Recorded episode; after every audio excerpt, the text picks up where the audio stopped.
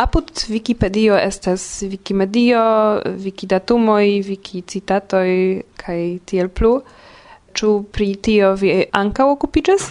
Fakte mi constatis umante pri Wikipedio ke existas artikoloj pri famaj esperantistoj, sed ofte mankis fotoj aŭ estis tre ekzata foto. Kaj mi en iu momento antaŭ dek jaroj ekfaris projekton pri fotoj Kai do mi komencis dum gravai rencontigioi diri al homoi uh, eh, staru ce la muro mi foto vin kai poste mi eh, calciuti sisteme ci un foto in al comedio exemple ist van Ertel kai multai uh, tiai conatai homoi havas foton en Wikipedia dankal mi. Do tio estas la parto pri Wikimedio, Kai mi antaŭ nelonge komencis refari, ĉar la homoj evidente maljuniĝas kaj dek jarojn poste mi pensas ah, mi devas refari, do mi planas ankaŭ pri tio pli kaj pli okupiĝi. Krom tio, precipe lastatempe mi okupiĝas pri la eksteraj ligiloj. Mi opinias, ke Wikipedio devus esti la unua paŝo, devus esti kiel referencverko. Do la ideo estas vi serĉas en Wikipedio iun vorton Poste aperas la articolo, kaj sube estas eksteraj ligiloj al aktualaj artikoloj, povas esti podcastoj, filmetoj, artikoloj, ĉu en Esperanto, ĉu en uh, aliaj lingvoj. Mi faras tion multe por artikoloj en Libera Folio, ekzemple, aŭ artikolo kiuj aperas en la ondo de Esperanto, ĉar eblas facile ligi al ili kotopo. Do mi faras pli ol nur okupiĝi pri Wikipedia. Fakte, Nun mi pensas pri tio, mi faris kun Robin van der Vliet projekton kun robotoj. Estis plendoj pri homo ja la lingva nivelo de Wikipedio ne estas tre alta, kaj ni diris homoj, estas wikio, vi povas redakti ĝin, ĉu ne? Sed homoj ne emas labori multe, do ni pensis kiel solvi tiun problemon. Kaj ni trovis sistemajn erarojn en Wikipedio, Robin sukcesis per roboto automate korekti ilin. Miloj da akuzativaj eraroj estas tiel korektitaj Type per. La nivelo pli altigis. Mi tre shatas tiel contribui, char Occupigi pre Wikipedio estas la mi tre senshave, char cio cion vi vercas ne nur restas en tiu Wikipedio, sed ec aliai plibonigas viain contribuoin, do cion vi volas pli en la vivo, cio ne? mi pensas. Eh? kiel do vi trovis tempon esti aktiva ankaŭ kiel prezidanto de Fleja, do la organizo de la Flandra Junularo? Ho, uh, eh, flea fin fine malaperis do mia presidado, facte, poscia mi forlasis, uh, tutte disfalis, do la verai atingoi mi Se Sed dum mia presidantezzo, uh, mi, uh, facte, cun laboris multe cun Varsovia Vento, exemple, do tio esis bela atingo, che ni successis internaciigi, cae pli grandigi nian tradizian aranjon uh, poso coco. Mi memoras che estas Lodo van der Velde kiu transprenis gin de la nederlandanoj kaj ĝi okazis en circa 2000 aŭ 2001 kun eble kvardek aŭ kvindek homoi. Kaj kiam ni kunlaboris kun Varsovia Vento, subite aperis cento da homoi el eh, ok landoj, ĉu ne? Do tio estis grava atingo, mi pensas. Tre agrabla kunlaboro, kai mi jam fieras pri tio pri la spertoi kiujn ni havas kaj tie mi ankaŭ kaptis la emon uh, kun organizi rencontigioin kai esti activa contribuanto tiu rilate. Um, kion mi diru ancora pri flea, estis ankaŭ bela cun laboro kun la nederlandanoi ciam. Fakte es mirinda constato, ka gi daure validas, la iunuloi jam de la pasinta jarcento ni diru 1970, 1980, estis tre interesse che estis activa movado ciu en Flandrio, ciu en Nederlando. Ca ciam estis lauvice. Do nun tempe la Nederlandanoi estas pli activae, sia tempe estis la Flandroi. Ca ni multe conlaboris eh, ciam. Sia tempe ni ec havis comunan revuon, cion mi ancao kun redaktis kaj chef redaktis estis um, Jongre Esperanto News jen ĝi estis tradicia revuo kaj sufiĉe interesa Do tio anco estas bela atingo de Flea siatempe kaj mi multe spertiĝis kaj eĉ pro tiu farado de revuoj kaj ankaŭ poste pri tiu manlibro pri Wikipedio Kotopo aperis la emo profesie anco okupiĝi pri tio do poste mi igis ec eldonisto en iu momento Ca la germo de tio estas en mia agado de Flea mi pensas Kai pri kio vi nun occupigas? Nun mi estas fakte pli malpli profesia esperantisto. Kion tio signifas? Tio signifas ke mia ĉefa okupo estas Esperanto projektoj. Mi ne povas malkaŝi detalojn pri tio aŭ mi ne emas rakonti nun, sed estas tre agrable povi okupiĝi pri sia pasio. Mi parte solvis tion per fonduso kiun mi lanĉis. Fakte mi lanĉis eĉ tri fondusojn ili ciu tri nomigas instigo. Existas unua fonduso ce Flandra Esperanto Ligo por mia agado tie. La agado ce Flandra Esperanto Ligo rilatas al en pagigo kaj redactado de revuoi kaj libroi, precipe ankaŭ instruado. La dua fonduso estas fonduso por mia Beneluxa agado. Gi estas ligita precipe alla Valona Esperanto Asocio La tria estas fonduso instigo libera pei, ca gi estas creita comence por mia reta agado, sed poste mi vastigis tion al la reta agado de la agantoi. Do, mi rimarkis che estas plurai esperantistoi kiui laboras dum multegai horoi, dum plurai jaroi, kai neniam oni dankas ilin. Certe ili neniam estas pagataj. Ili ne faras tion por la mono, ĉu ne? Kaj mi pripensis, mm, mono estas formo de energio. Esperantistoj ne ŝatas monon. Estas tabua temo, ĉu ne mono? Esperantistoj devas ĉion fari senpage. Tiu tempo laŭ mi pasis, do homoj daure entuziasmiĝas kaj volas kontribui, sed se ne en iu momento venas la danko povas esti la danko en formo de, de dankvorto, sed ankaŭ povas esti en formo de iom da mono. Eh? Venas la seniluziiĝo kaj pensas, ja, kial mi faras tion? Estas multaj aferoj en la vivo, eble mi okupiĝu pri io alia. Kaj mi pensis, mi povas eble lanĉi fonduson, kiu ne nur kolektas monon kaj promesas, sed disdonas tiun monon al la homoj kiu realigis aferojn por danki kaj por instigi ilin daurigi la bonan laboron. Tio estas mia baza ideo de instigo, eh? Kaj tio vere funkcias. Do mi rimarkas, ke se vi donas subite kvindek eŭrojn al homo kiu laboras dum dek jaroj per Esperanto, tio estas kortuŝa afero, ĉu ne? Por tiu persono. Ho, oh, kio okazas? Oni donacas al mi monon. Kaj ankaŭ la persono kiu donacas monon estas kontenta, ĉar Mi verkas detalan raporton pri kiu ricevis por kion fari konkrete, kion ni realigis, kiel ni antaŭenigis kiun projekton Kotopo. Do ne estas donaco kaj ni vidos, ne, estas donaco kaj vi ricevas raporton, ĉar fakte mi volas um, danki la homojn kaj instigi ilin daŭrigi kaj al la donacintoj mi volas sendi detalan raporton do pri la pasintiara agado mi verkis kvardek paĝan raporton kun koloraj fotoj kaj statistikoj kaj ĉio pri la progresoj de la diversaj projektoj.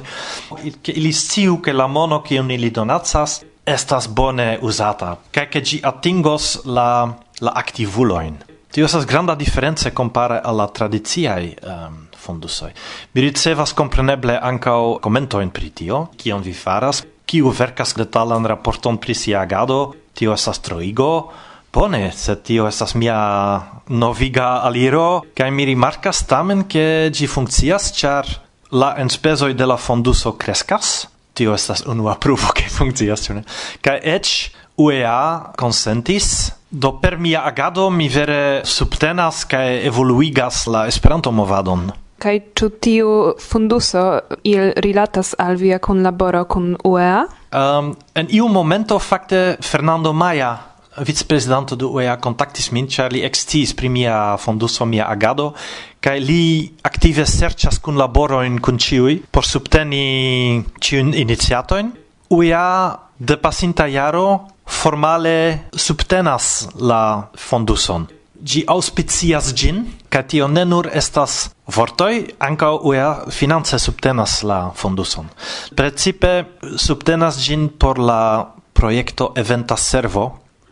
Eventa Servo estas evento disconiga reteo, kiun creis Fernando Shajani el Brazilo. Mi kun laboras kun Fernando pri tiu reteo, Ĉar li estas brazilano relative nova en la movado, li estas tre talenta programisto, sed li ne bone povis taksi kion bezonas reale la movadon ekzemple en Eŭropo. Kaj mi konas la movadon de tridek jaroj, do mi prezentis la reteon de eventa servo ekzemple en la loka klubo de Antwerpeno. Venis multe da komentoj kaj mi transdonis ilin al Fernando Shayani. Kaj li korektis, li plibonigis la reteon, do tio estis uh, brila afero. Kaj iom post iom plibonigis, kaj en iom momento ĝi ek estis esti bona reteo, kaj tiam Fernando Shayani donacis ĝin al UEA. Kaj UEA pagas por la costoi de la programado kai por la laboro kiun mi faras por disconigi kai administri eventan servon kaj tiel komencigis nia kunlaboro pri la fonduso. Kiu estas viaj revoj rilate al Esperanto kaj Esperantujo? Tio estas tre ampleksa demando ankaŭ uh, en si mem, sed revoj mi pensas unuavice pri mia lastatempa agado. Mi fakte estis pli aktiva en Valonio, en la suda parto de Belgio, kaj pli kaj pli Mia revo estas kunigi la belgoin, ĉu ne? La valonoin, la bruselanoin kaj la flandroin. Fakte estas tiu disiĝo pli kaj pli. Vi aŭdas pri tiu naciismo kaj flandroj aparte, bruselanoj aparte, valonoj aparte. Kaj ni volas agi en beneluxa nivelo. Do vere ne nur transregiona, sed ec trans la landlimoi, kaj vere mm, lerni unu de la alia. Do exemple, kiam ni faras kurson, mi ankaŭ instruas Esperanton, ni ciam zorgas pri tio ke estas miksita. Estu Flandroi, estu Valonoj. Cer nur tiam Esperanto estas vere utila, ĉu ne? Kaj mia revo do estas kunigi cioin aktivuloin de nia regiono kaj kunlaborigi ilin kontraŭ la nun tempa tendenzo apartigi.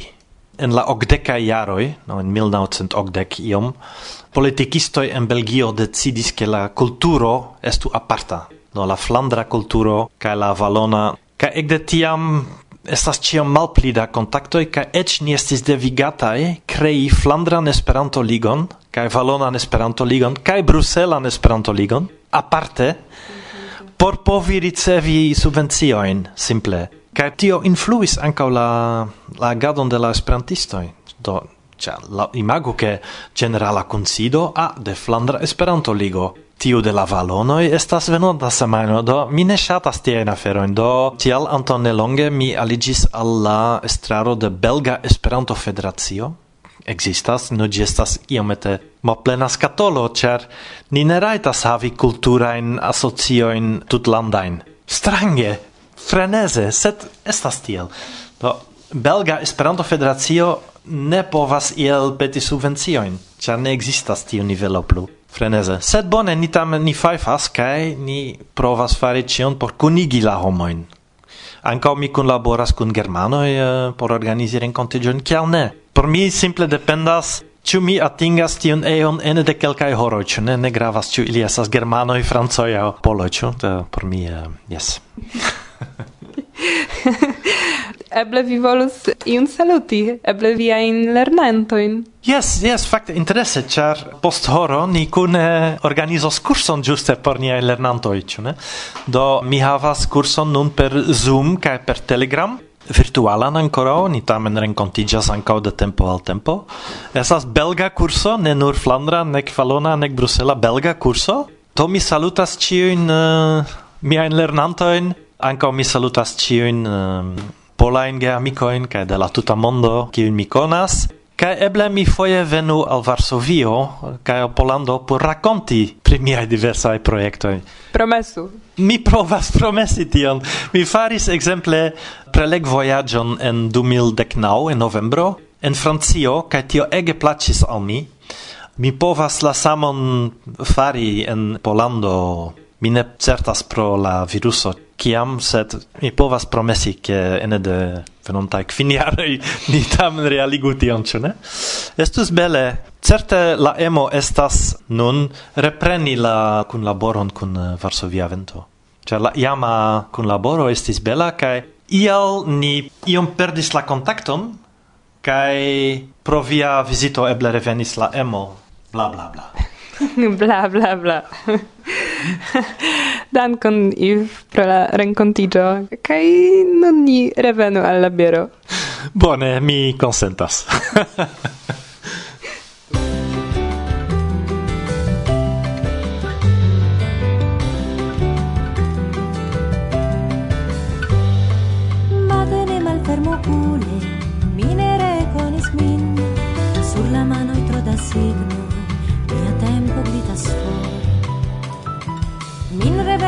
sequia.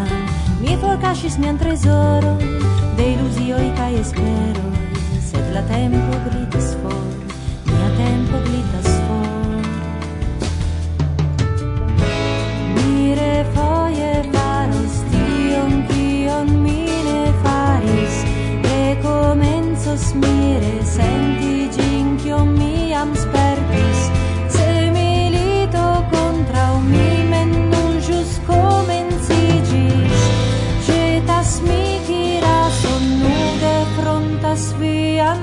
kapon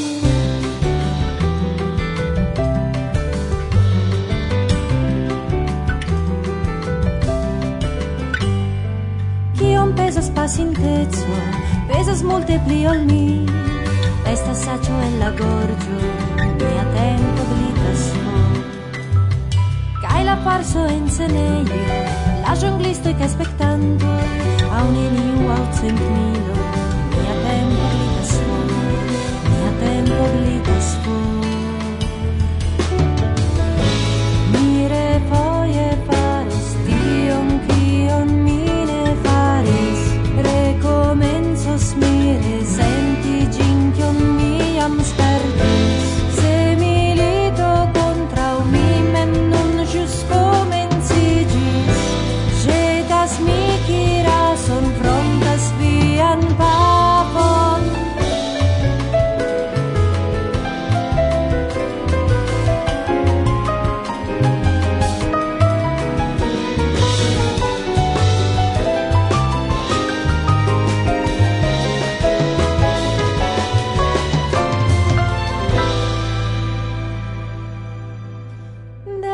povas mi reconsideri ideon che oni povos doni al mi novan eblecon plu. Permesante al mi havi saman e eblon pli. Pardonante al passinto tutta la un pli. Anca tiu ci canzono un povos shangi plu. Mi refo cosas nuove comencigi en momentos a mi alrededor y estás. Se mi perdis tu tonquine estas mal.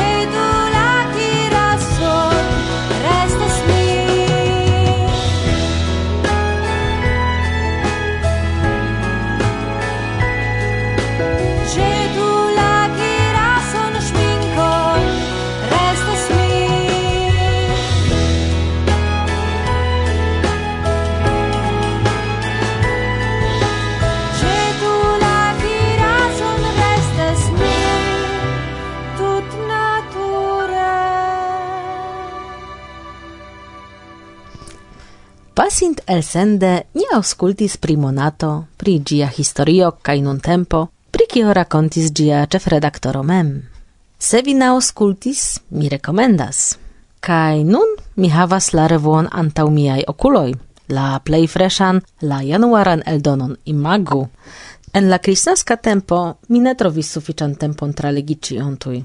Tamen, kelkaj articoloi varbis mian atenton, speciale unu Kiun profoto, sur kiu mi rimarkis konatan vizaĝon, mi komencis tuj legi. Jes, jes, Massimo, pri vi temas.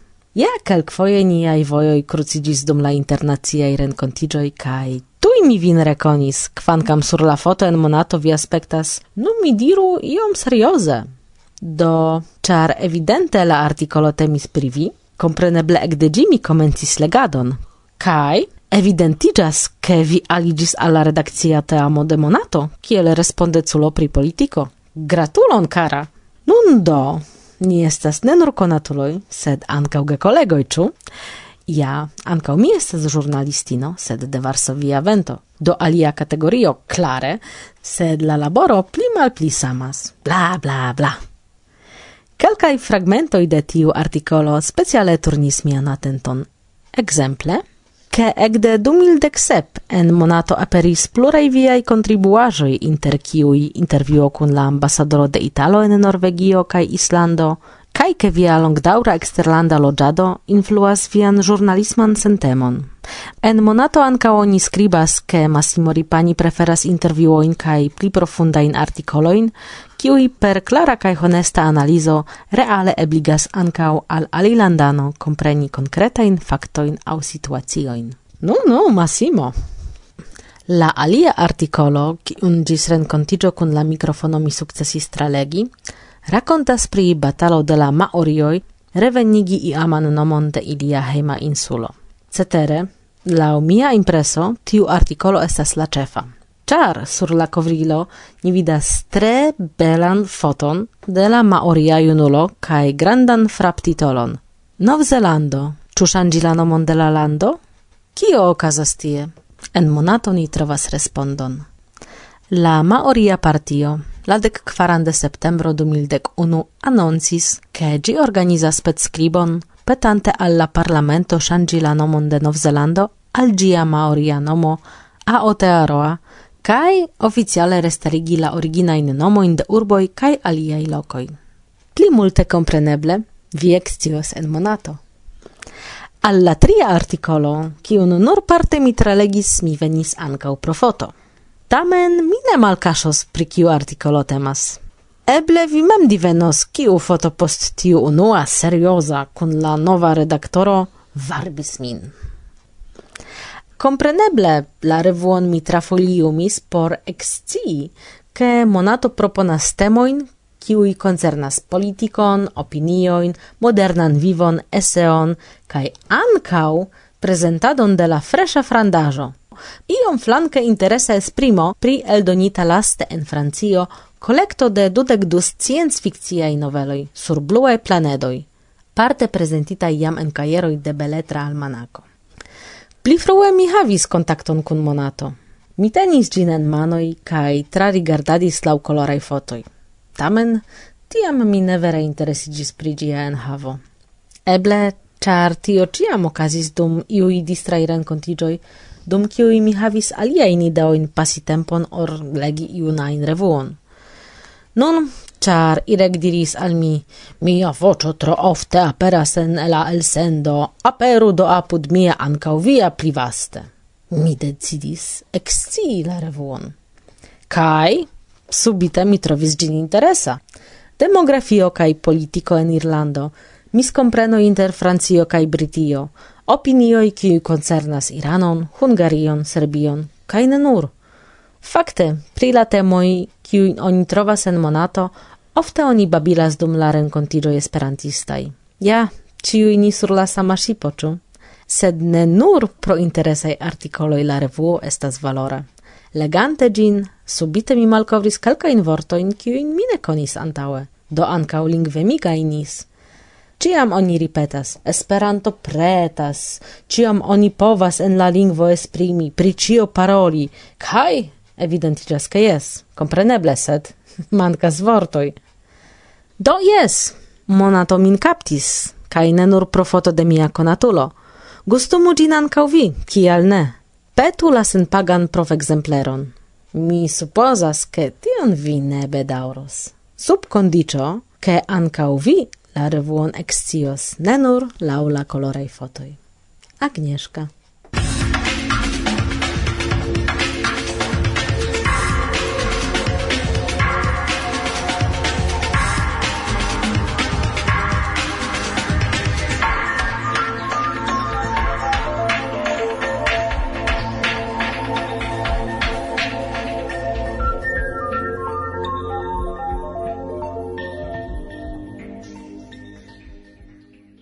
Varsovia vento. Trincante la bisonan akvon kun eh, pomalsuko subite trafis en miajn manojn libro sufiĉe dika Aspiroi kroniko de neanoncita murdo.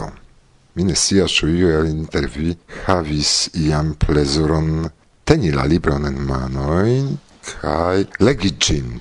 Pri kio temas aŭskultu. La coro pumpas.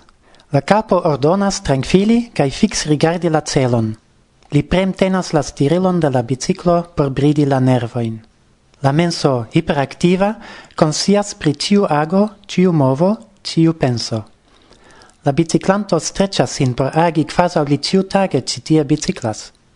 La subvestoi piquetas pro la nervose, sviteta auto. Li quasau audas sian sangon tracuri la veinoin ce la tempioi, ciam li atingas la mureton circa la domo.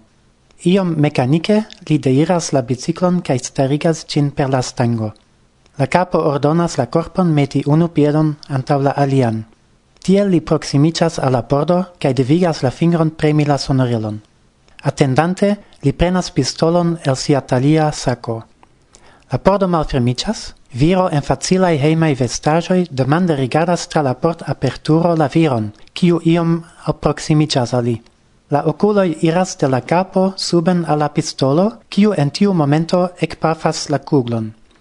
Pli malpli samtempe la oculoi grandicias, la buŝo malfermicias, la manoi iras iom supren, la corpo mem malantaven.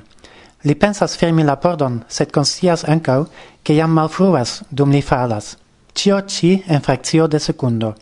Resigne, la corpo sin falas sur la plancon, cun truo en la brusto, cio comenzas el lasi sangon. Cun truo en la brusto. Antau mi autoro de la texto, conata de mi de longe... Eh, Lode van de Velde. Justen tiu, quiu verkis la romanon, crim romanon, eh, kiel gin nomi? Eh, gi esas necutima crim romano, sed facte crim romano, sed tamen alia o la cutima crim romano, kie oni do sequas la enketon de la comenzo gis la fino, cae ce la fino la mordisto au la crimulo estas eh, eh, uh, presentita antau tribunalo au ĵetita en eh, uh, malibreum, En tiu ci romano, ce la fino, ne esas explicite clare kiu faris la mordon facte, cae ancau tio la celo de la libro. La celo de la libro estis esplori la psicologian flankon del tio kaj la influon je la ĉirkaŭaĵo de la murdo kaj atentema leganto scios kiu estas la murdinto. Aliaj legantoj ne scias kaj devos mem diveni kaj havi iun ideojn sed do en la romano ne estas klare kiu faris la murdon. Nur vi devas atenti kaj Certe vi trovos, se vi bone pripensas, se tiam homoi scribis a mi, kiu faris la murdon, kai mi dis, kion vi pensas, kai tiam ili prave respondis. Do, do yes, necesas iom mem pensi, kai mi shatas tiun ideon, ke ne cio esas antomacita, kai preta, kai vi nur consumo, vi anca mem iom pensu.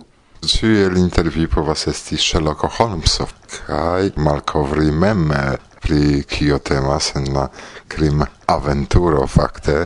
Kiel vi skribis la romanon? Ĉu mankas tiuj romanoj en Esperantujo?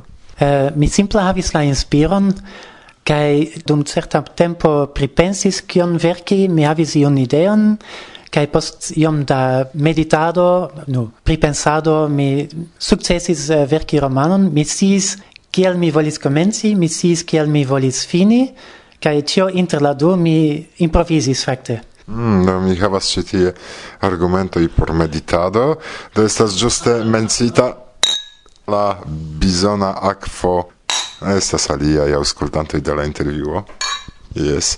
Kun eh, pomsuko se vi ne scias pri kio temas, pripensu kio povas esti bizona akvo kun pomsuko. Mi pli faciligos al vi omete, ke temas pri Bialistoka regiono do Zamenhofa ideo profunde.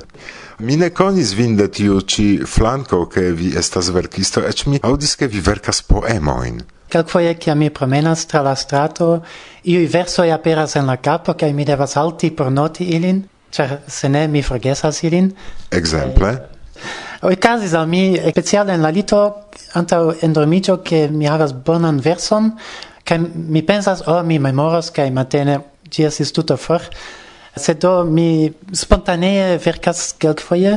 Dum iu periodo mi multe verkas eh, lasa tempo malpli sed pli multe verkas eh, romanon au laboras pri nova romano. Kai yes eh, uh, oni esas poeto au ne mi pensas kai do tio povas veni al vi spontanee uh, yes.